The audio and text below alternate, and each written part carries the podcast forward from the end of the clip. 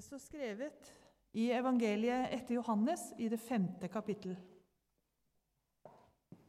Etter dette kom en av jødenes høytider, og Jesus dro opp til Jerusalem. Ved saueporten i Jerusalem ligger en dam som på hebraisk heter Betesta. Den er omgitt av fem bueganger. Og der lå det en mengde mennesker som var syke, blinde, lamme og uføre. De ventet på at vannet skulle komme i bevegelse, for en engel fra Herren steg fra tid til annen ned i dammen og rørte opp vannet. Og den første som steg ned i dammen etter at vannet var blitt rørt opp, ble frisk, uansett hvilken sykdom han hadde. Det var en mann der som hadde vært syk i 38 år. Jesus så ham ligge der og visste at han hadde vært syk lenge, og sa til ham, 'Vil du bli frisk?' Den syke svarte, 'Herre, jeg har ingen som kan få meg ned i dammen når vannet blir rørt opp.' Og når jeg kommer fram, går alltid en annen uti før meg. Da sier Jesus til ham, Stå opp, ta båren din og gå. Og straks ble mannen frisk, og han tok båren sin og gikk. Men det var sabbat denne dagen, og jødene sa til han som var blitt helbredet, Det er sabbat, du har ikke lov til å bære båren. Han svarte, Han som gjorde meg frisk, sa, Ta båren din og gå. Hvem er det mennesket som sa at du skulle ta den og gå? spurte de. Han som var blitt frisk, visste ikke hvem det var. For Jesus hadde trukket seg unna, for det var så mye folk der. Senere fant Jesus mannen på tempelplassen og sa til ham, Nå er du blitt frisk.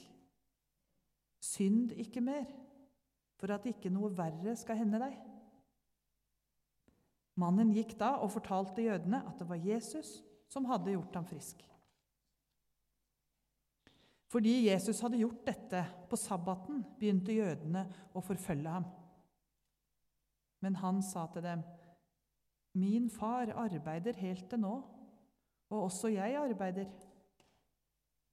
Etter dette var jødene enda mer oppsatt på å få ham drept.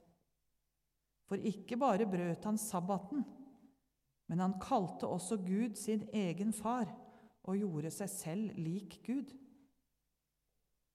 Jesus tok til orde og sa til dem.: Sannelig, sannelig, jeg sier dere, Sønnen kan ikke gjøre noe av seg selv, men bare det han ser sin far gjøre. Det far gjør, det gjør også sønnen. For far elsker sønnen og viser ham alt det han selv gjør. Og han skal vise ham større gjerninger enn dette så dere skal undre dere. For slik Far reiser opp de døde og gjør dem levende, slik gjør også Sønnen levende hvem han vil. Slik lyder Herrens ord.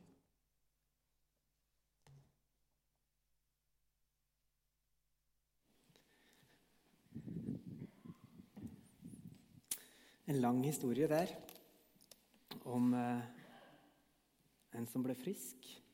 Vi er i, vi er i tredje delen av en prekenserie nå. En prekenserie om Johannesevangeliet. Mer spesifikt om syv tegn i Johannesevangeliet. Altså Johannes syv tegn. Altså syv tegn som gir, gir et hint av hvem Jesus er. Ganske sterke hint, kanskje syv tegn som viser veien. Det er ikke bevis. Det er historier som leder, leder oss i en retning. Peker på at Jesus må være Guds sønn.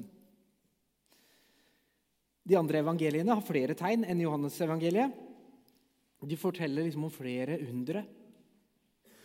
Men Johannes har valgt ut sju. Sju tegn.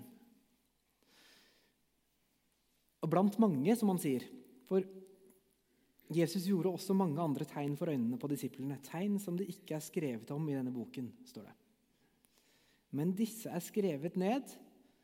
Og grunnen til at jeg skrev ned disse her, sier Johannes, for at dere skal tro at Jesus er Messias, Guds sønn, og for at dere ved troen skal ha liv i hans navn. At dere skal tro og ha liv i hans navn. Det er litt sånn som om at Johannes sa dette er det som overbeviste meg, og jeg håper at dette også vil overbevise deg. Så Derfor har jeg skrevet ned disse sju tegnene. Nå har vi allerede sett på to av dem tidligere. Det var Oddbjørn snakket om bryllupet i Kana, der Jesus gjorde vann til vin, som det første tegnet i Johannes evangeliet. Og så Kjetil Haga snakket for to uker siden om eh, det andre tegnet, der Jesus helbredet sønnen til en prominent fyr i Kapernaum. I dag så ser vi på det tredje tredje tegnet. Eh, Tittelen i dag heter liksom 'Størst av alt er kjærligheten'. Det kan jo være et tegn til dere òg, når dere hører dette, snakker om dette her. Eh, men det er nesten litt sånn, litt sånn ironisk at jeg, at jeg sier dette nå, at vi, nå skal vi se på det tredje tegnet. Eh, at vi skal snakke om et nytt tegn i dag, og at i det hele tatt Johannes, at Johannes strukturerer evangeliet sitt rundt disse syv tegnene. For Jesus selv sier jo at uten at dere ser tegn og under, så tror dere ikke. Og Han, han kommer med et litt sånn oppgitt hjertesukk over at vi må se noe overnaturlig for å kunne tro. Og så tar Johannes og organiserer evangeliet sitt etter disse tegnene. Og så snakker jeg om ett og ett tegn. Ikke sant?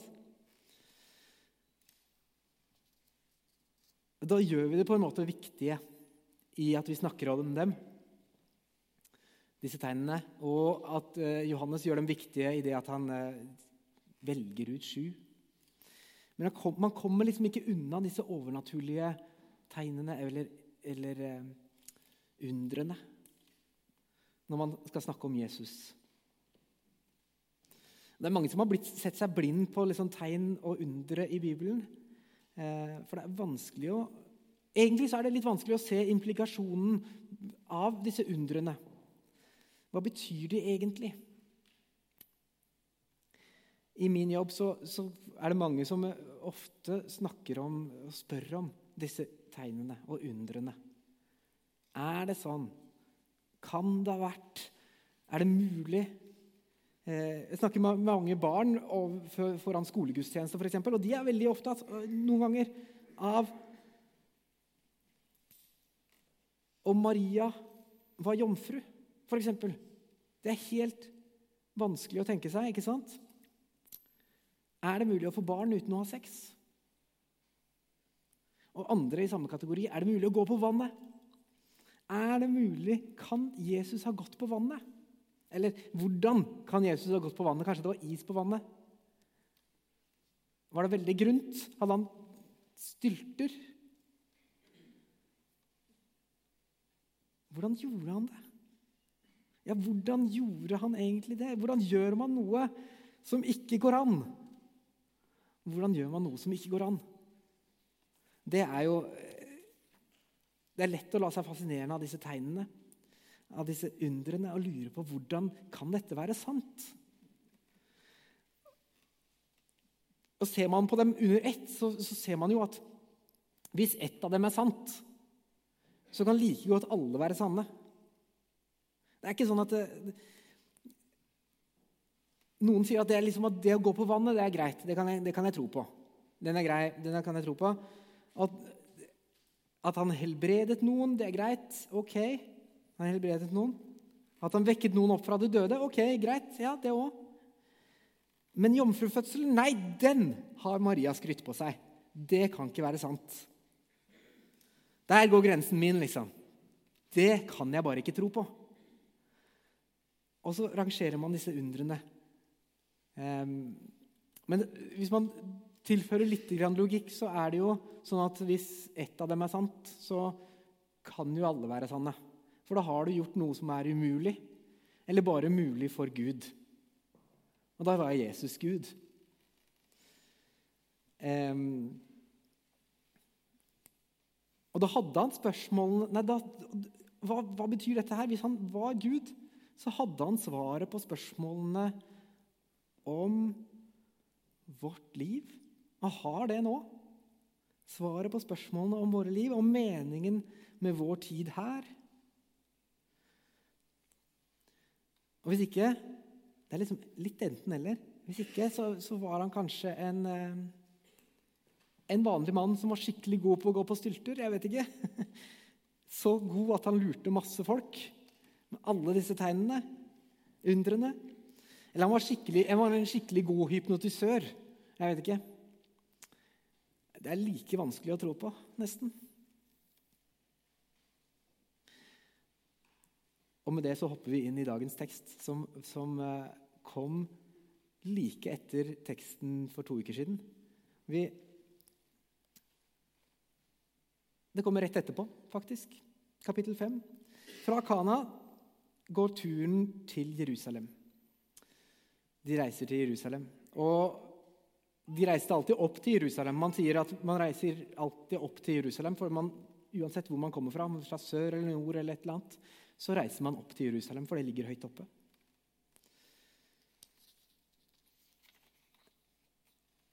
Ved saueporten ligger det en dam, så sto det. Se for dere saueporten. Det er jo der man tar inn sauene. Der ligger det en dam som heter Betesta. Og Johannes han beskriver dette i detalj. Han har tydeligvis, vært der. Han var øyenvitne til det som skjedde. Så her lå det en mengde mennesker som var syke, blinde, lamme, uføre. En hadde ligget der i 38 år. Eller han har vært i hvert fall syk i 30 år. Jeg vet ikke om han hadde ligget der i 38 år. Men her har de i hvert fall samla seg. De som ikke klarer å gjøre så mye ute i den vanlige verden. De som var skikkelig desperate. De hadde funnet seg en plass her, ved saueporten. Og så står det noe, Nå står, kom det et lite avsnitt som ikke står i de vanlige, tidlige oversettelsene. Det er, på en måte et, et, eh, tillegg som har blitt kommet til i Bibelen etter hvert. Men det gir jo mening altså, at det kan være en tillegg, fordi det, det, er forklaringen på hvorfor de ligger der. Disse folka de ventet på at vannet skulle komme i bevegelse. For en engel fra Herren steg fra tid til annen ned i dammen og rørte opp vannet. Den første som steg ned i dammen etter at vannet var blitt rørt opp, ble frisk, uansett hvilken sykdom han hadde.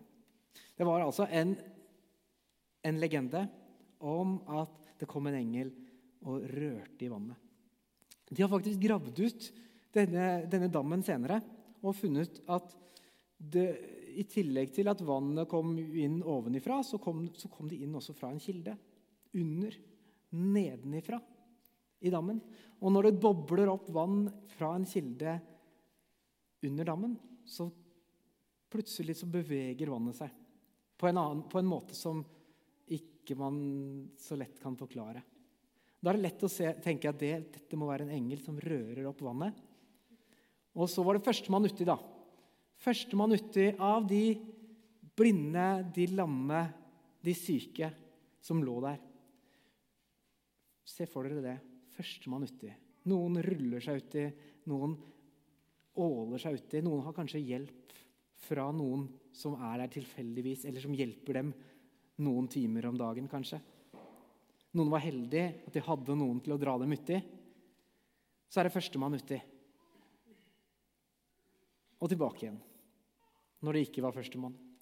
Legge seg ned igjen og vente på neste gang.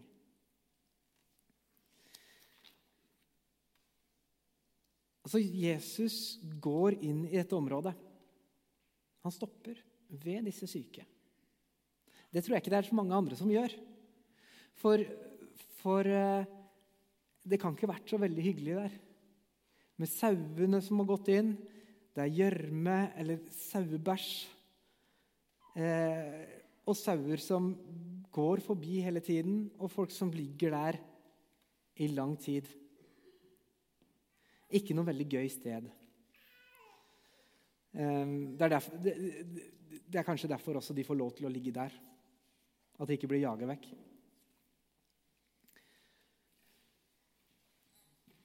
Jeg ser for meg Jesus komme bort til de syke. Han, jo, han visste at denne mannen var, hadde vært syk i 38 år eller lang tid, som det står. Han setter seg ned på huk ved siden av mannen, og så spør han Vil du bli frisk? Vil du bli frisk? Det, altså, det er ikke noe selvfølge. Sikkert mange der som ikke ville bli friske, som heller ville dø, egentlig. Det var et sånt sted. Mange som hadde sikkert gitt opp det å komme seg ut i vannet. Eh, som bare var der fordi alle de andre var der, som de kjente. Fordi de hadde vært syke i lang tid. Ville helst bare slippe. Men denne mannen, da Han ville faktisk bli frisk.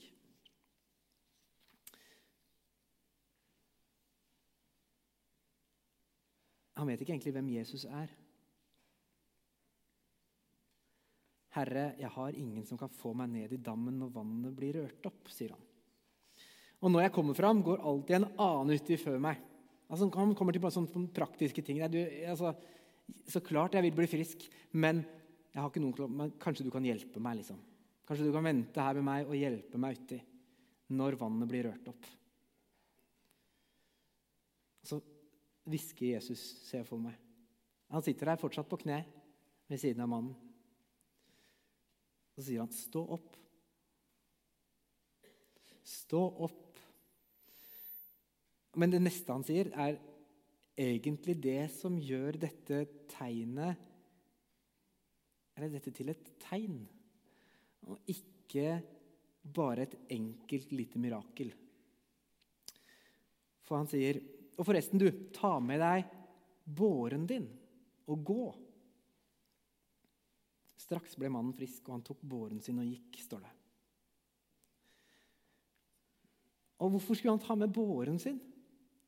Jeg vet ikke hva slags båre dette var. Altså, jeg ser for meg noen sånn liggeunderlag holdt jeg på å si, som han rulla sammen på skulderen. jeg vet ikke. Eller en matte. Kanskje noe som man kan bære han i. En båre.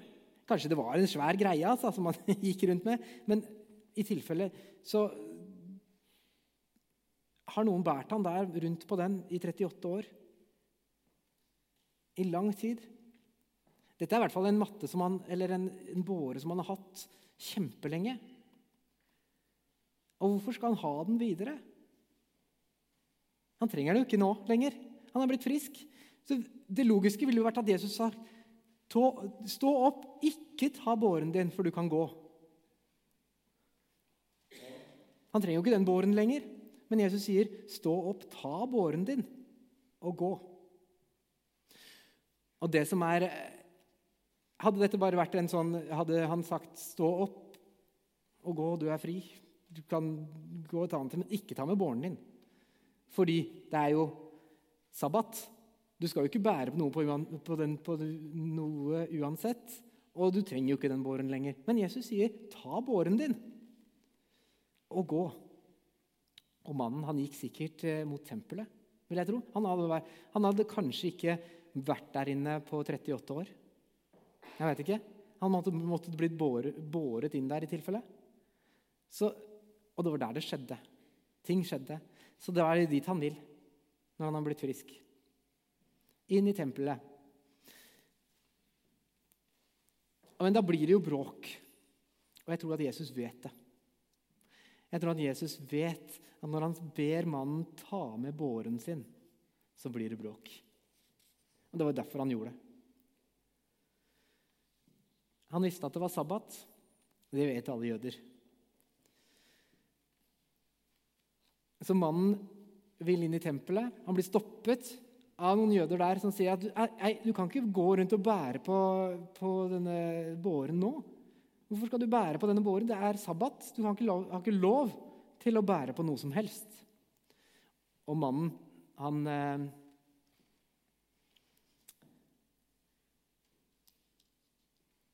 Han er litt sånn eh, Ja, jeg har en båre her, ok? Men, men, det var han som sa det. Det var, en, det var en mann som ba meg ta båren og gå. Så jeg bare går videre. Skylder på, skylder på han som gjorde ham frisk. Altså, jo, men det var han som sa det.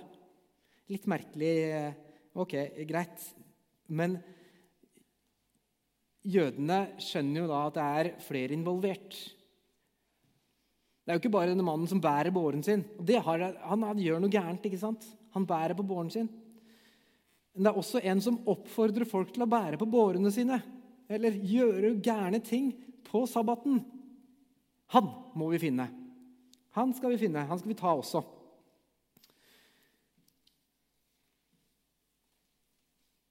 Hvem er dette mennesket som sa at du skulle ta den og gå? spurte de.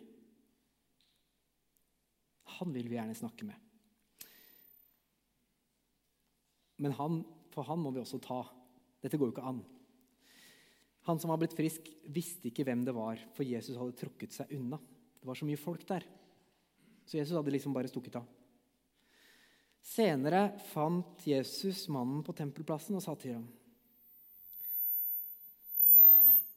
Nå er du blitt frisk. Så sier han noe rart.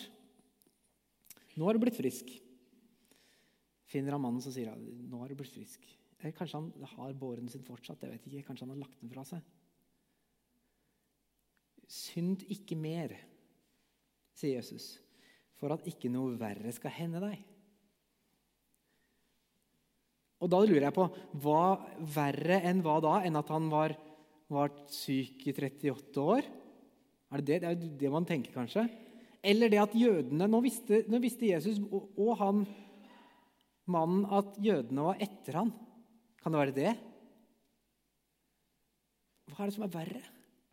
Og, og, og hvorfor skal han ikke synde mer? Han har jo ikke synda på Det er jo ikke han som har synda, og det vet jo Jesus. Jesus, sier jo at det er jo ikke han som har synda, eller foreldrene hans, for at han har vært syk. Det sier Jesus. Og folk tror at han har syndet fordi han er syk. Men Jesus sier det er jo ikke han som har gjort det. Så det er litt rart at Jesus begynner å snakke om synd. Det kan hende det er noe humor her som forsvinner. Altså, det er ikke lett med humor på, verken på SMS eller i bibeltekster. Det er, eh, det, er, det er, vanskelig med sånn ironi. Og jeg tror kanskje det er noe her um, Det er litt sånn nå må, ikke, hei, nå må, du ikke, synde mer, for jødene er ute etter deg, både deg og meg. ikke sant? Du må ligge lavt. Altså, nå må du ikke lage noe bråk her, for jødene er ute etter oss. ikke sant? Eller kanskje det var en oppmuntring nettopp til å gjøre det som er rett. Hvis Jesus, hvis Jesus For det neste som skjer, er at mannen gikk da og fortalte jødene at det var Jesus som hadde gjort ham frisk. Han går rett og sladrer til jødene når han treffer Jesus, etter at Jesus sier 'synd ikke mer'. Kanskje han ville egentlig holde det skjult? Så sier Jesus til ham, 'Nei, du må si dette her. Det er, jo, det er jo jeg som har gjort det. Du må være ærlig om dette. Så gå og si det til jødene.' Kanskje det var det. Han i hvert fall går rett og sier til jødene at Jesus, han har gjort meg frisk. Han ba meg ta båren og bære den. Jeg tipper det er det Jesus kalkulerer med. Han vet at jødene kommer etter ham. Helt sånn konkret fysisk. De kommer bortover plassen. Masse folk der, så de prøver å, trekke, å komme seg fram til Jesus. Og Jesus har egentlig selv satt dem på sporet av ham. Det er litt gøy med sånn syns jeg at Jesus At han er krass mot disse jødene, disse skriftlærde. Det liker vi. Det tror jeg vi liker. Jeg tror det, nesten vi, vi, nordmenn liker det. Jeg så, jeg så på han uh, Harald Eia, som hadde, har et program nå med Sånn er Norge, heter det. Men det første programmet var noe typisk norsk. Hva er typisk norsk? Og vi tror kanskje at, at det er noe som er hardt arbeid og eh, nøysomhet.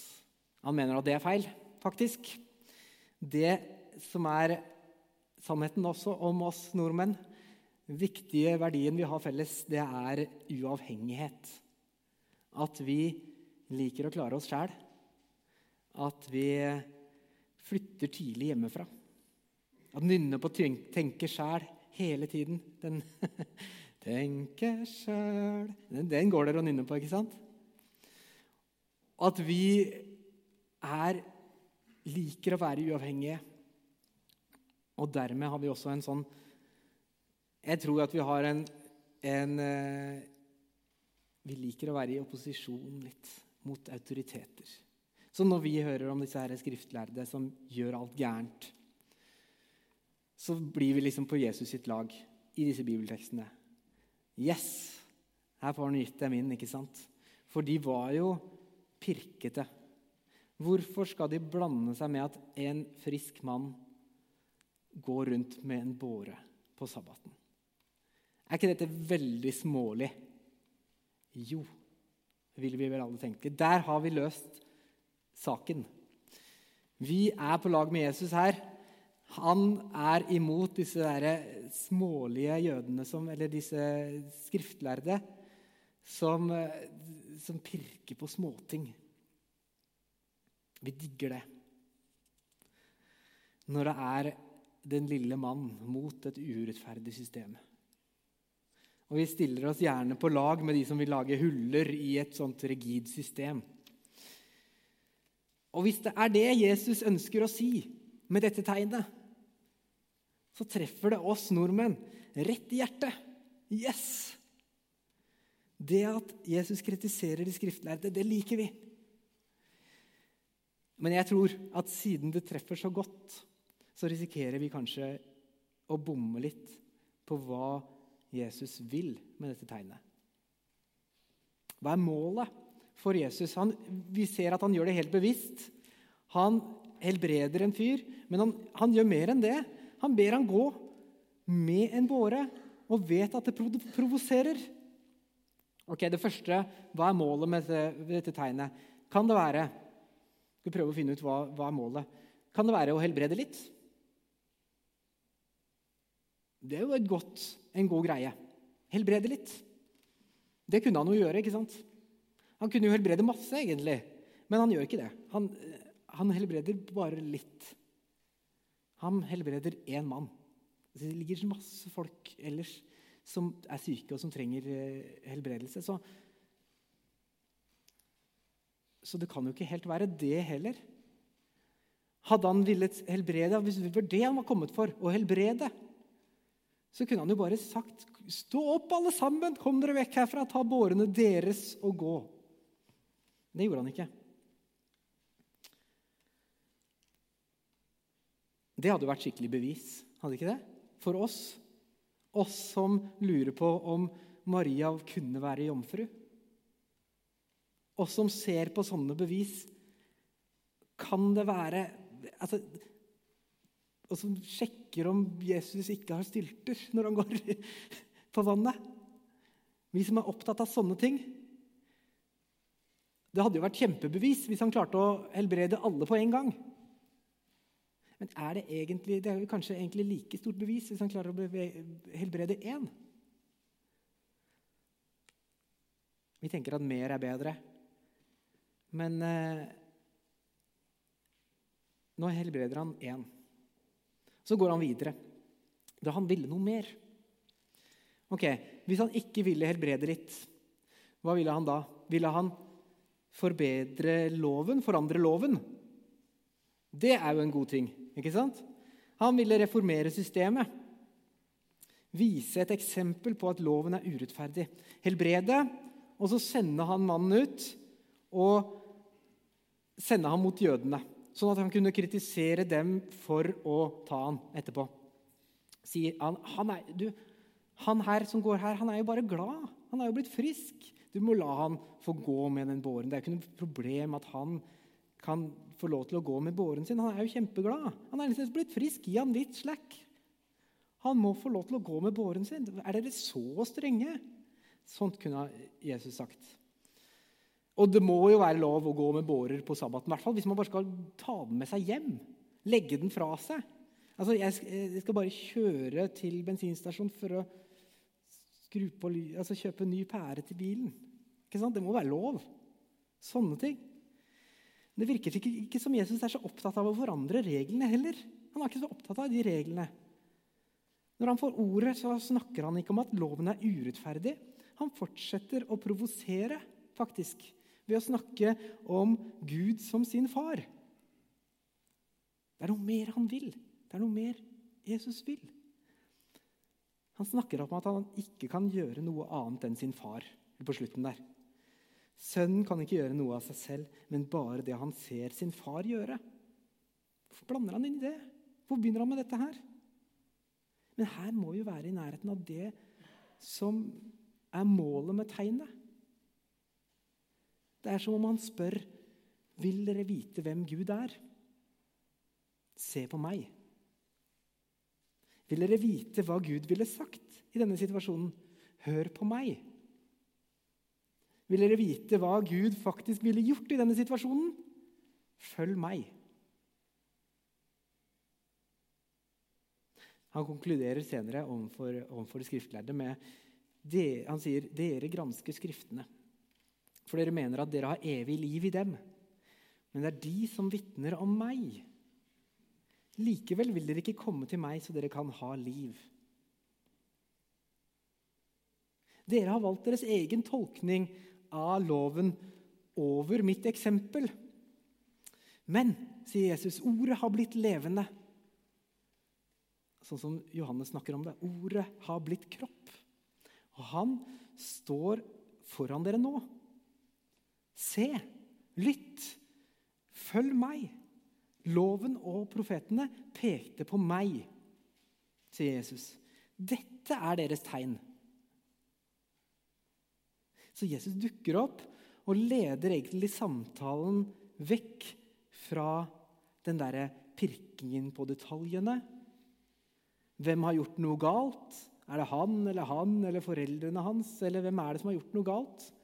Han leder samtalen vekk fra det til 'se på meg', 'lytt til meg', 'følg meg'. Og vi kan godt lett falle i den fella og tenke at dette er jo kjempeurettferdig. Disse reglene er kjempeurettferdige. Noen bør si til disse skriftlærde at de kan ikke holde på sånn. Så hopper Jesus over det også. Så sier han, 'Følg meg'. Jesus kom, og han var tydelig. Og Det som gjør det vanskelig å forstå ham noen ganger, det tror jeg er at han ikke svarer sånn som vi vil. Når jødene snakker om loven, så tar han det til et annet nivå og snakker om kjærlighet. Han er tydelig på at kjærligheten trumfer loven. Han viser oss hvordan dette skal gjøres i praksis. I praksis. Jesus viser at om forståelsen av loven kommer i veien for å vise kjærlighet overfor de neste, så må loven vike. Spørsmålet her er egentlig hva Du kan jo spørre oss selv også. Hva i ditt liv kommer i veien for å vise kjærlighet for, overfor de neste? Om det er religion, politikk eller din forståelse av et eller annet. Altså, så Hvis din forståelse, din versjon av kristendommen, kommer i veien for å elske andre slik Gud elsker dem, så er det din forståelse som må vike. Hvis din forståelse av politikk kommer i veien for muligheten din til å vise kjærlighet, så er det ikke en forståelse som Jesus ville hatt.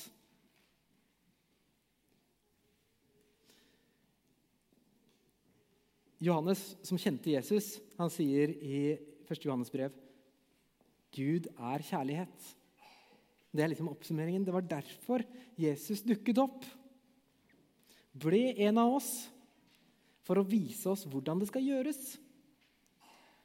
Han er ikke der for å argumentere for eller mot eller med eller opp eller ned. Han er der for å vise oss hvordan det skal gjøres. Og så døde han for å betale for de gangene vi ikke gjør det riktig.